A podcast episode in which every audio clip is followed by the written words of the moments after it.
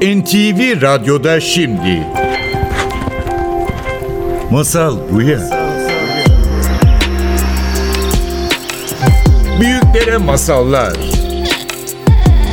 Karşınızda Judith Lieberman.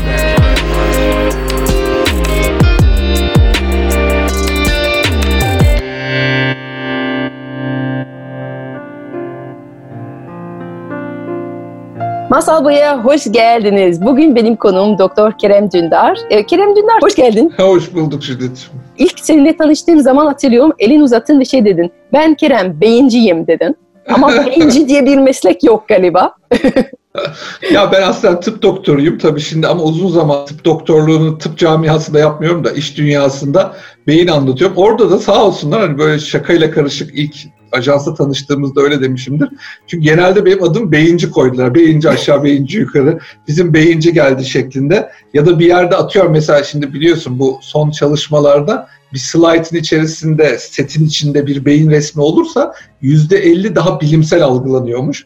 İnsanlar o yüzden sunumlarına genelde beyin koyuyor. Eğer ben hasbelkader oralardaysam sürekli ya beyinci hocamız da buradayken şimdi biz bunları anlatmayalım falan diye genelde söylüyor. Öyle adımız beyinci kaldı. Ben aslında biyofizik uzmanıyım. Bir tıp uzmanlık alanı bu. Hep neuroscience çalıştım. Yani sinir bilim, o beyin bilimleri çalıştım. Onların ölçümlenmesi, işte kliniğin temel yansımaları e, akademide de alanım oydu. Tıpta uzmanlığım da o. Daha sonrasında yaklaşık son 5 senedir de işte hem profesyonel hayatta insanlar beyinleri nasıl daha etkin kullanırlar, beyinleri nasıl daha iyi yönetirler. İşte o muhatap oldukları beyinleri nasıl daha iyi anlarlar. Bunlarla ilgili o akademik alanın son kullanıcının anlayacağı şekilde çevrilmesini sağlıyorum. O yüzden biraz Anladım. beyinci de böyle yaptığım bir şey uzak değil. Yani harbi beyincisin yani harbi diyebiliriz. Şimdi e, Kerem hoş geldin bu programda. Bugün seni benim çok ilgim çeken e, senin konularından biri için çağırdım. Geleceğin yetkinlikleri. Şimdi çok yeni bir şeklinde biraz biraz geleceği hayal etmeye çalışıyoruz aslında. Yani çünkü bugün bugün yarına hazırladığımız bir nesil var. Bugün yarına hazırladığımız çalışanları var. Ama yarın tam olarak nasıl olacağını öngörmek çok zor. Ama kimileri buna çalışıyor ve böyle bir listeyi belirlettiler değil mi? Geleceğin yetkinlikleri. Peki onlar nedir? Ve hazır ona doğru gidiyor muyuz biz Türkiye olarak? O hikayeye doğru e, hizalanabiliyor muyuz? İlk önce belki onlara direkt dalmadan önce yetenekleri değil, yetkinlikleri. Onların arasındaki fark belki açıklar mısın? Yetkinlikleri geliştirebildiğimiz şey ama yetenekler biraz böyle doğuştan gelen tarafı galiba. Yeteneklere inanıyor musun sen? Ben çok inanan bir insan değilim. O yüzden uzman e, beyinci yakalamışken sana sormak isterim. Çok teşekkürler bence sorular çok güzel. Pek çok soru var bunun içerisinde. Şöyle sırayla başlayalım. Önce bir yetenek yetkinlik ayrımını anlatalım. Niye biz yetkinlik anlatıyoruz? Şimdi gerçekten insanın genetik temelinin beynini şablonlaması söz konusu. Yani biz genetik bir aktarımız var. Annemizden, babamızda işte doğanın milyarlarca yıldır biriktirdiği bilgi bizim genlerimizde ki yapı taşı DNA deniyor. Artık bunu herhalde bilmeyen kimse yoktur. Bu virüsün RNA'sından sonra iyice öğrendik. Şimdi baktığında oradan taşınan bir takım şeyler var. Bunun nasıl olduğunu çok biliyoruz desek atmış olurum. Yani o yüzden kimin dünyaya nasıl bir yetenekle geldiği çok belli değil. Ama hepimizde farklı oranlarda neredeyse her yetenekten birazcık birazcık var. Bazı noktalarda bazı yeteneklerimiz birazcık daha fazla. Genetik bizde ancak böyle bir değişimlik yapıyor. Hepimizin genetik olarak bir hastalık riski var. Hani o genetik olarak bir hastalığa yatkın denenler var ya onlarınki birazcık daha fazla o birazcık daha fazlanın yetenek bazında birazcık daha fazlanın dünyada nasıl kullanılacağı, dünyada etkin kullanılıp kullanılmayacağına dair bilgiye yetkinlik diyoruz. Yani sizin bir yeteneğinizi kullanma kabiliyetiniz en tanınmış haliyle şöyle ifade edelim. Zeka bir yetenekse gerçekten doğuştan gelen bir kısmı var. Onu dünyada kullanım şekli olan akıl bir yetkinlik. Ve söylediğin şey çok doğru. Ben de artık bütün konuşmalarda yeteneği çok indirgiyoruz biz. Çünkü yetenek kullanılmadığı takdirde hiçbir işe yaramıyor demeyeceğim. Bazen insanın başını belaya bile sokar. İyi kullanmadığınız bir yeteneğiniz. O yüzden de bütün motivasyon insanın temel değer olarak yeteneklerini bir kaynak olarak görüp ama o kaynağın etkin kullanılmasına çevrilmiştir. O yüzden de yetkinlik tanımlanıyor. Dünya Ekonomik Forumu'nun ki bunu da ben ilk defa bizim Evrim Kur'an e, ortak dostumuzdur da Evrim Kur'an'ın bir e, eğitiminde orada öğrenmeye başladım. Dünya Ekonomik Forum 5 yıldır bunu yayınlıyormuş. Hatta Evrim'e dedim ki Evrim ben senin bu slaytını kullanacağım. Sen hazır Türkçe'ye çevirmişsin. E, o da sağ olsun memnuniyetle dedi. Ondan sonra tabii ben çünkü onun beyin tarafını anlatıyorum. Yani böyle bir bilgi zaten artık pek çok yerde erişilebilir oluyor. Beyin de bunların karşılıkları neler? 2015 yılı bir yetkinlik seti vardı. 2020 yılında bu değişti. 2020 yılında değişti ve biz bunu uzunca bir süre anlattık. Yani anlattığımız içeriğin bir veriye dayalı olması, bir bilime dayalı olması arkasında bir araştırma olmasını gerektiriyordu. O yüzden de Dünya Ekonomik Forumu'nun yetkinlik setini ben referans aldım. Yaklaşık bir ay kadar önce bu yetkinlik seti yenilendi. 2025'e evrildi. Tabii yani ben tabii hala sunumlarımda şimdi bunun üzerinde pek çok konuşma yaptım bir sürü yerde. Ben hala 2015'ten 2020'ye döndüğümüz slaytı gösteriyorum. Şimdi artık bunun yenisini biz de Türkçe'ye çevirdik. Pek çok arkadaşımızla da paylaştık.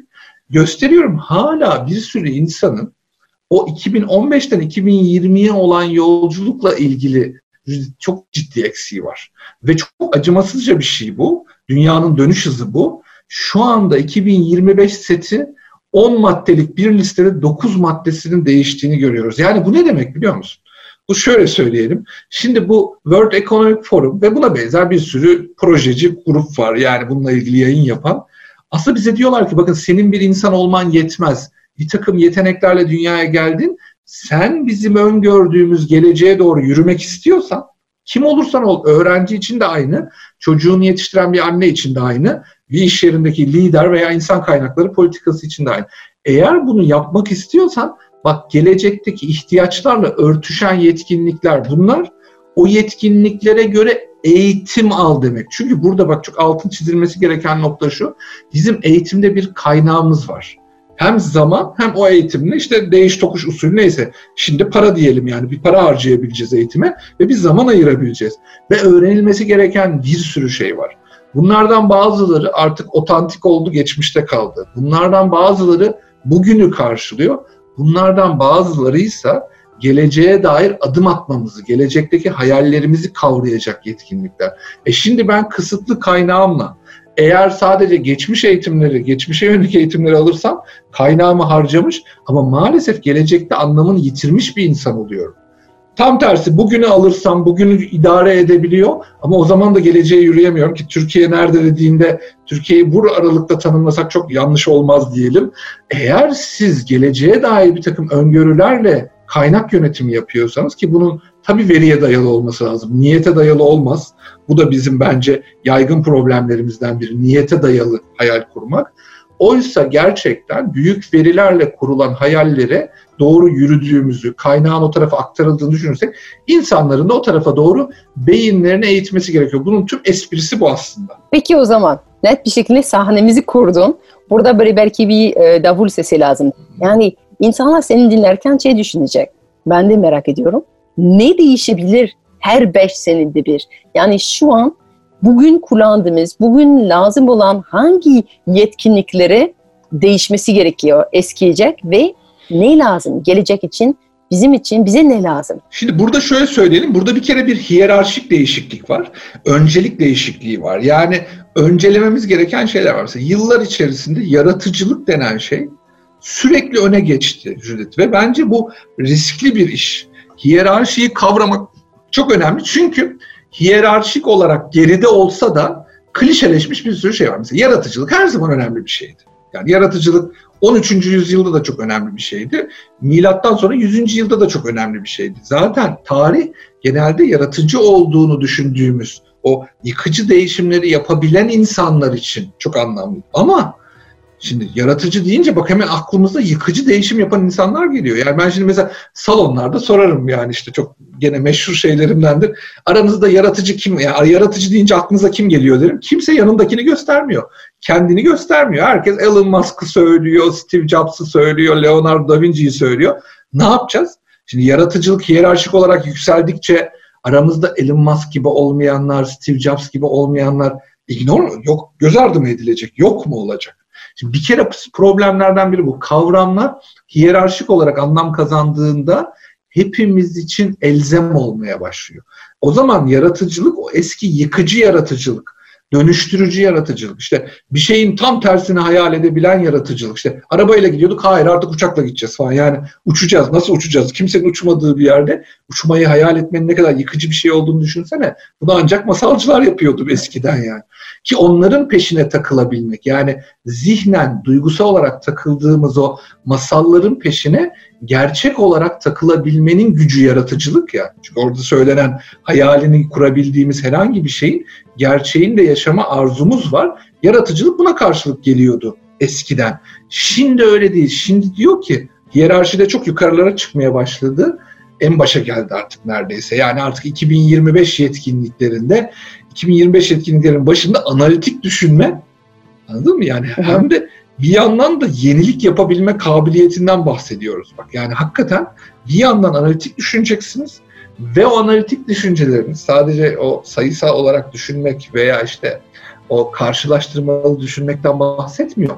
Onun bir de yenilikler yapması. E ben ben bir şirkette çay ocağındayım ya da ben yıllardır or, yani orijinal bir müessese değil bu anneyim yani. yani düşünsene anneyim anneyim anneyim yani bin yıldır aynı müessese gibi dursa da hayır bütün süreçlerin daha efektifi var ve zaman hızlandıkça şu an içinde bulunduğumuz çağ gibi buna ayak uydurmak için ve buna ayak uydurduktan sonra ileri taşıyabilmek için yani bu da bence ikinci ve en önemli kısmı. Bu ikisi için çok kıymetli deniyor. Şimdi benim bu yetkinliği geliştirmeden daha ötesine geçmemin bir anlamı yok. İkinci bu yüzyılda mesela çok önemli bak 2025 mesela şu yetkinlik daha önce yoktu biliyor musun? Sana ilginç gelecek diye söyleyeceğim. Aktif öğrenme ve öğrenme stratejileri. Ha. Nasıl yoktu ya? Onu merak ediyorum. o hep lazım Yok. olan bir şey değil. Değil gibi mi? geliyor bize. Gibi geliyor. Bak ben 5 senedir profesyonel konuşmacıyım. İşte sen de biz aynı iş alanında çalışıyoruz. Benim yıllardır başlıklarım arasında öğrenme, beyin nasıl öğreniyor var. Daha bir kişi satın almadı. Ben yani yoğun konuşan bir konuşmacıyım. Şey değil hani satın alınmaması. İşte ne bileyim dijital dönüşümü insanlar çatırsa benim dijital dönüşüm ve analog direnç diye bir başlığım var. Mesela sürekli düşünsene millet dönüşmek istiyor ya. O talep ediyorlar onu işte. Mesela nöro liderlik her gün satılan bir başlık ama öğrenme mesela hiç satılmadı. Ya benim aklım vermiyor. Diyorum ki arkadaş öğrenmeyi bir strateji olarak içselleştirmemiş herhangi birinin bundan sonraki adımda ne iş var? Ama emin ol konsept oraya dayandı. Artık öğretme yüzyılında değiliz. Öyle zannediyorum ki bundan bütün Ama... örgün öğretimler, bütün kurumsal eğitimler, bütün bugüne kadar ebeveynlik tavrı onun yerine kişiler nasıl öğrenir, kendi nasıl öğrendiğini öğrensin, kaynaklara erişsin ve öğrenmeye başlasın. Çünkü bu bir öğreticiyle yürütülebilecek bir yolculuğun dışına taştı. Bugün artık yeni yüzyılda ikinci yetkinliğimiz bak hiç yoktu böyle bir yetkinlik ortada. İkinci yetkinlik oluverdi. Judith. Evet. Ama bu çok önemli bir ayrıntı. Yani sanki böyle öğrenme kelimesi böyle anlıyorum niye seçilmemesi. Sanki çok sıkıcı bir şey. Çünkü hepimiz ilkokuldan itibaren böyle fabrika gibi bir sistemden koyulduk ve öğrenmek belki insanların gözünün önünde sırada oturmak, kara tarta demektir, tebeşir demektir, işte cezalısın, git köşene falan böyle demektir. Bravo, bravo. Yani bir sürü böyle şeyler unuttuk ama burada çok güzel şey diyorsun. Öğretmen çıkartalım, sınıf çıkartalım. Sen öğrenmek istediklerin kendin yani o bilgileri edinebiliyor musun? Madem zaten artık bilgiler ortada, internet dolup taşıyor yani sonuçta çok yeni bir şey. Öğrenmek için bütün malzemeler parmağın ucunda ama sen öğrenme yetkin var mı? Öğretebiliyor musun kendi kendine? Bu çok yeni aslında. Belki e, bu yeni nesilde bunu çok görüyoruz. Yani Y kuşak sürekli konuştuğumuz olan şey gidiyor, bilgiyi buluyor, yetkiyi var ediyor kendine ve e, belki de e, hiçbir öğretmenin bilmediği olan bir şey yapmaya e, öğreniyor. Yani belki aslında biz bunun ilk nesiliz. Ben hatırlıyorum lisede Amerika'dayken ilk defa dijital kameralar gelmişti o zaman. Hmm. işte 90-95'teyiz. İşte ilk dijital makineler liseye gelmişti. Ve bir tane öğrencinin bir dijital makine vardı. Ve sergi yapmıştı ve açmıştı. Ve o dönemde bizim sanat öğretmenimiz harika bir öğretmen. Ama hiç anlamıyor. Hiç anlamıyor. Biz de böyle karanlık oda öğreniyoruz. İşte ben fotoğraflar yapıyorum, kimyasallara basıp Eski fotoğraflar. Eski fotoğraflar ve bunu çok seviyoruz. Ve bu öğrenci geldi ve bir sergi yaptı ve hoca diyor ki yani ona yardım edemedim. Çünkü yaptığı şey ben anlamıyorum. Yani böyle bir nesil oluyor ki sanat hoca hocanın bilmediği teknik kullanan 15 yaşında çocuklarla birlikte büyüdük aslında. Ve bu gitgide daha izleniyor. O yüzden kendi kendimizi öğrenebiliyor muyuz? Çok önemli bir etki. Doğru söylüyorsun. Sadece bence harika bir anı. Bu bu anı bu anıyı senden çalarım. ee, Judith yaşamış diye anısını da anlatırım. Çünkü tam olarak anlattığım şey bu. Senin o dönemde yaşadığını bugün her gün, her an yaşıyoruz. O kadar çok ürün çıkıyor ki inanılmaz bir bilgi. Yani bu çok klişeleşmiş bir laf. Bilgi çok üretiliyor diye ama bizim kullanımımızda açılan da çok fazla şey var. Hakikaten yani çocuklarınızla, çocuğuyla doğru düzgün vakit geçiren herkes şunu anlar ki çocuklarınız sizi hiç farkında olmadan ne an ne ara geçti bilemiyorsunuz ama bir sürü konuda hemen hemen geçiyor. Bu eskiden bu kadar hızlı değildi. Biz iyi öğrencilerdik mesela. Ben bulunduğum yerde iyi bir öğrenciyim ama bizim anamızı babamızı geçmemiz yıllar aldı.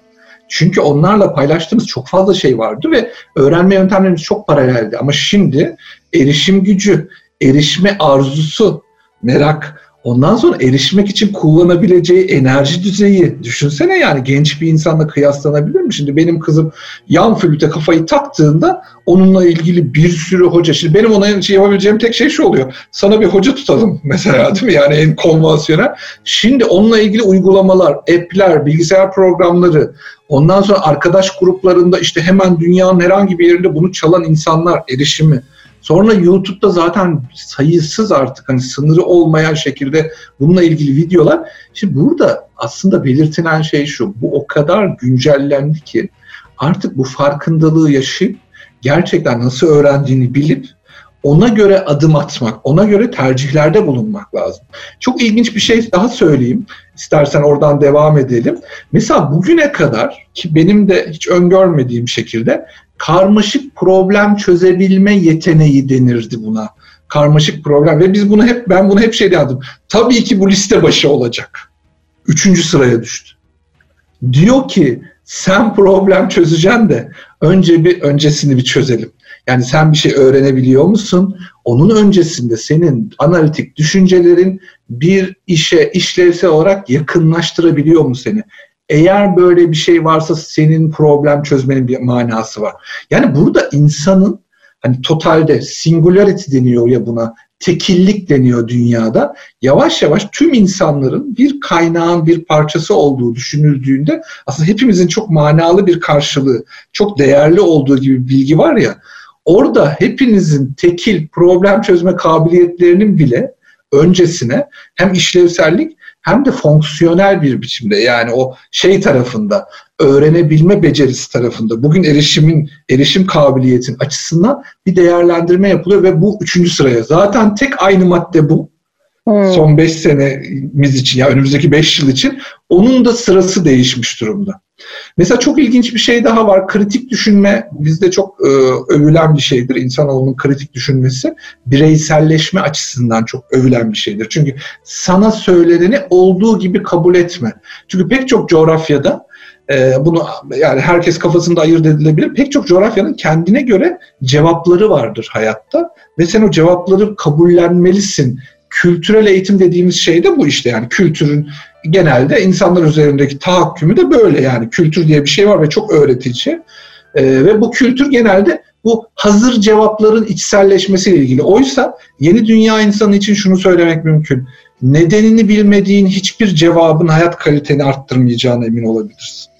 Hmm. Eğer bunun farkındaysan kritik düşünmen lazım. Yani senin kritize etmen lazım. Bu tabii birazcık daha ergenlik sonrası süreçler. Çünkü önce bir kavrama gibi değerlendirilmiş. Şimdi bu da çok önceye çekildi. Yani diyor, deniyor ki kritik düşünmeyi eğer baştan itibaren muhafaza etmezsek çünkü insan meraklı ve sorgulayan bir canlı aslında. Ama biz onu bir şekilde bloke edip dur bakayım bir annenin bildiğini öğren, bir öğretmenin dediğini öğren dersek artık o kasları çok çok çok uzun süre belki inaktif kalabilir ve bu şekilde insanların bireysel katkılarından mahrum kalabiliriz.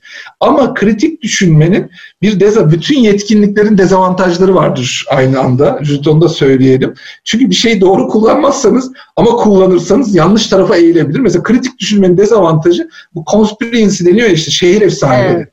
Evet mesela kritik düşünmenin dezavantajı bu. Eğer siz bunu yapılandırmazsanız Yani bir analize tabi tutmazsanız o zaman dedikodu yapmak ve tabii dedikodunun sonucunda şehir efsanesi üretme riskiniz de var. Bunu da söylemek lazım. Yani Evet. bu yetkinlikler gelişiyor ama tabii ki hepimiz için dünyanın evrenin sürdürülebilirliği içinde bunun bir istikameti var. Yani istikamet belli olmadan koşuyor olmanın riskini de söylemiş olmak lazım.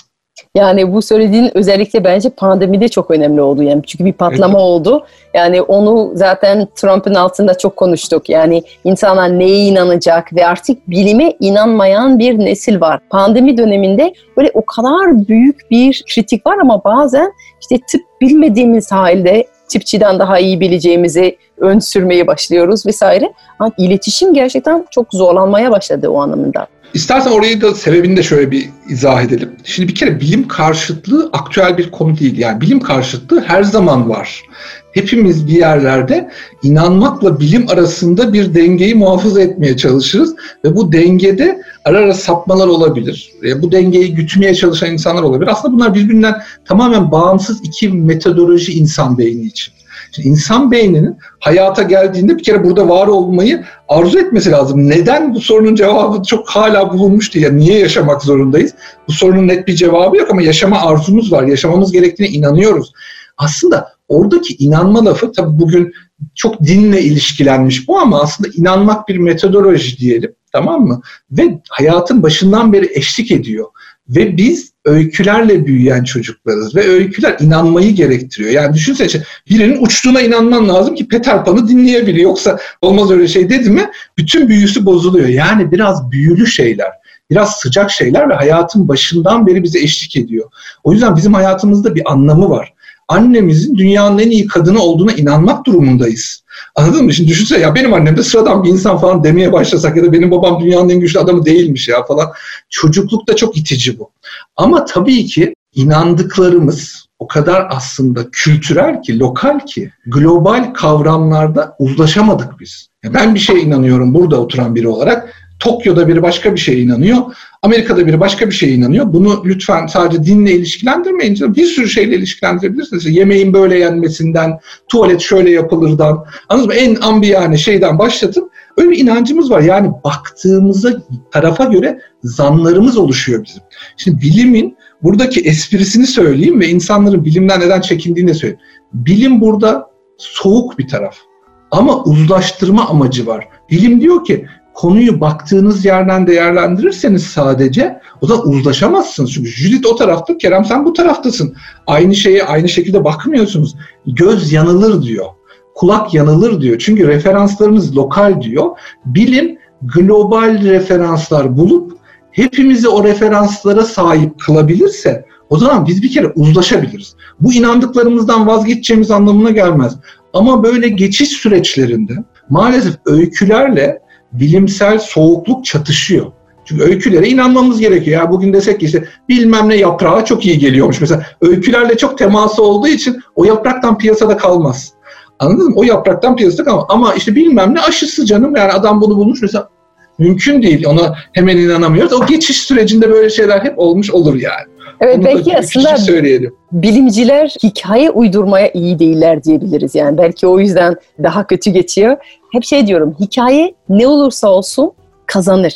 Bazen insanlar bir şeye inanıyorsa ve bir yere geliyor. Örneğin ben bunu yurt dışından gelen misafirlerim için biliyorum. Yani İstanbul hakkında bir beklenti var. Bir hikaye tutuyor. İşte İstanbul çok oryantal bir şehir olacak. İstanbul'da belki develer gezecek diye düşünüyor. Bir, orada bir hayal var. Bir hikaye var. İşte belki fez takan e, amcalar var. Şerbet veren böyle e, bir, bir böyle oryantalist bir bakışı olabilir.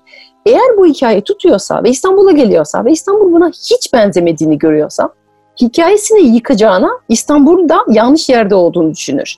Ve bazı arkadaşlarım bana şey e, İstiklal'a gezerken sen ciddi bize çok batılı bir İstanbul gösteriyorsun. Bize gerçek İstanbul gösterir misin diyerek Allah Allah orası neresi diye söylediğim zaman sonra bir sonraki gün Sultanahmet'te gezerken ve Sultanahmet'te tamamen böyle yani biliyorsun tamamen turistlere göre paketlenmiş olan bir işte kostüm giymiş, fes takmış, işte belli ikramlarda, süslü cam bardaklarda ikramda bulunan insanlar görünce işte dediler. Sonunda bizi yabancıların için değil gerçek Türkiye'ye getirdin dediler.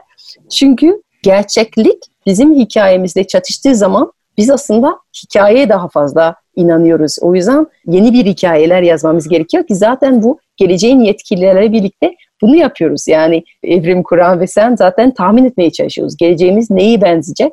Ee, bu gelecek yetkililerle ilgili hatırlamamız gereken bir şey olursa sence ne olur? Şöyle bir şey söylemek lazım. Bu yetkinliklerde beni en çok şaşırtan şeylerden biri şuydu. İlk defa insan yetkinliklerinin arasına olmazsa olmaz makina teması eklendi. Yani yazılım ve teknolojiyi dizaynda, takipte, kurguda kullanamazsanız gelecekte bizimle değilsiniz dedi. Bu bugüne kadar süre giden hiç böyle bir şey yoktu. Bildiğimiz yeteneklerin bazılarının yetkinliğe dönüşmüş halleriydi. Ama bugün insanın işte uzun vadede o süper insan hayalimiz var ya hepimizin insanların hibrit yapıları yani birleşik yapıları diyelim. Bu makinalarla birlikte, yazılımlarla birlikte işte bu Elon Musk'ın bu sene Brain Computer Interface deniyor. Beyin bilgisayar arayüzü ki benim de uzmanlık alanımda o üniversitede çalışırken. Burada yapılmaya çalışılan şey şu. Biz konuştuğumuz dilden fazlasıyız. Anlattığımız şeyden fazlasıyız. Hikayeler bence hala insanları o yüzden cezbediyor. Gerçeklerde ki dil gerçektir biliyorsun. Gerçeklerde biz hala sınırlarımıza eriştiğimizi hissetmiyoruz. O yüzden öykünün, o hikayenin, o masalların gücü kendi içerisinde bana insanın o sınırsız tarafının en azından bu arzusunun daha rahat tatmin olduğu bir yer gibi geliyor. Bilim maalesef bu konuda insanları tatmin etmiyor gibi duruyor ama gerçek insanın gelecekte tutarlı olması, sürdürülebilir olması ortak öykülerimizin bilimle bezenmesiyle mümkün. Güzel öyküler, güzel hikayeler ve bilimsel altyapılarla birlikte geleceğe doğru yürünsün. Ben insan beyninin şu an anladığımız şeklinden çok daha farklı bir şey olduğuna eminim. Çünkü insanın beynini biz tanımlarken ancak bilebildiklerimizle tanımlayabiliyoruz. Ama bu eminliğimin ötesinde bugünkü bilimsel bilgilere hakim olmadan bir sonraki basamağa geçemeyeceğimizi de biliyor Müjdat. Yani bir insanın bir şeyi terk etmesi için önce biliyor olması, önce sahip çıkabiliyor olması lazım. O yüzden ben yeni nesle ve şu an kendini genç hisseden herkese ki bence gençlik değişebilme gücü demek. O gücü içinde barındıran herkese bilmeyi, öğrenmeyi, gerekiyorsa unutup yenisini öğrenmeyi, tekrar tekrar hatırlatmayı kendime borç biliyorum. İş olarak da buna edindim kendime, hayat düsturu olarak da buna edindim. Bu konuda merak olan herkese de destek olmaya hep açığız. Senin bu güzel programların da buna aracılık ettiği için ben çok teşekkür ediyorum. Ben teşekkür ederim. Gerçekten bu sohbet bana çok iyi geldi. Umarım bizim dinleyicilerimiz de öyle olur. Judith Lieberman'la Masal Buya'nın bugünkü bölümü sona erdi. Kaçıranlar ve tekrar dinlemek isteyenler için programın tüm bölümleri NTV Radyo'nun web sitesinde Apple, Google, Spotify podcast hesaplarında istediğiniz zaman ulaşabilir, istediğiniz yerde dinleyebilirsiniz.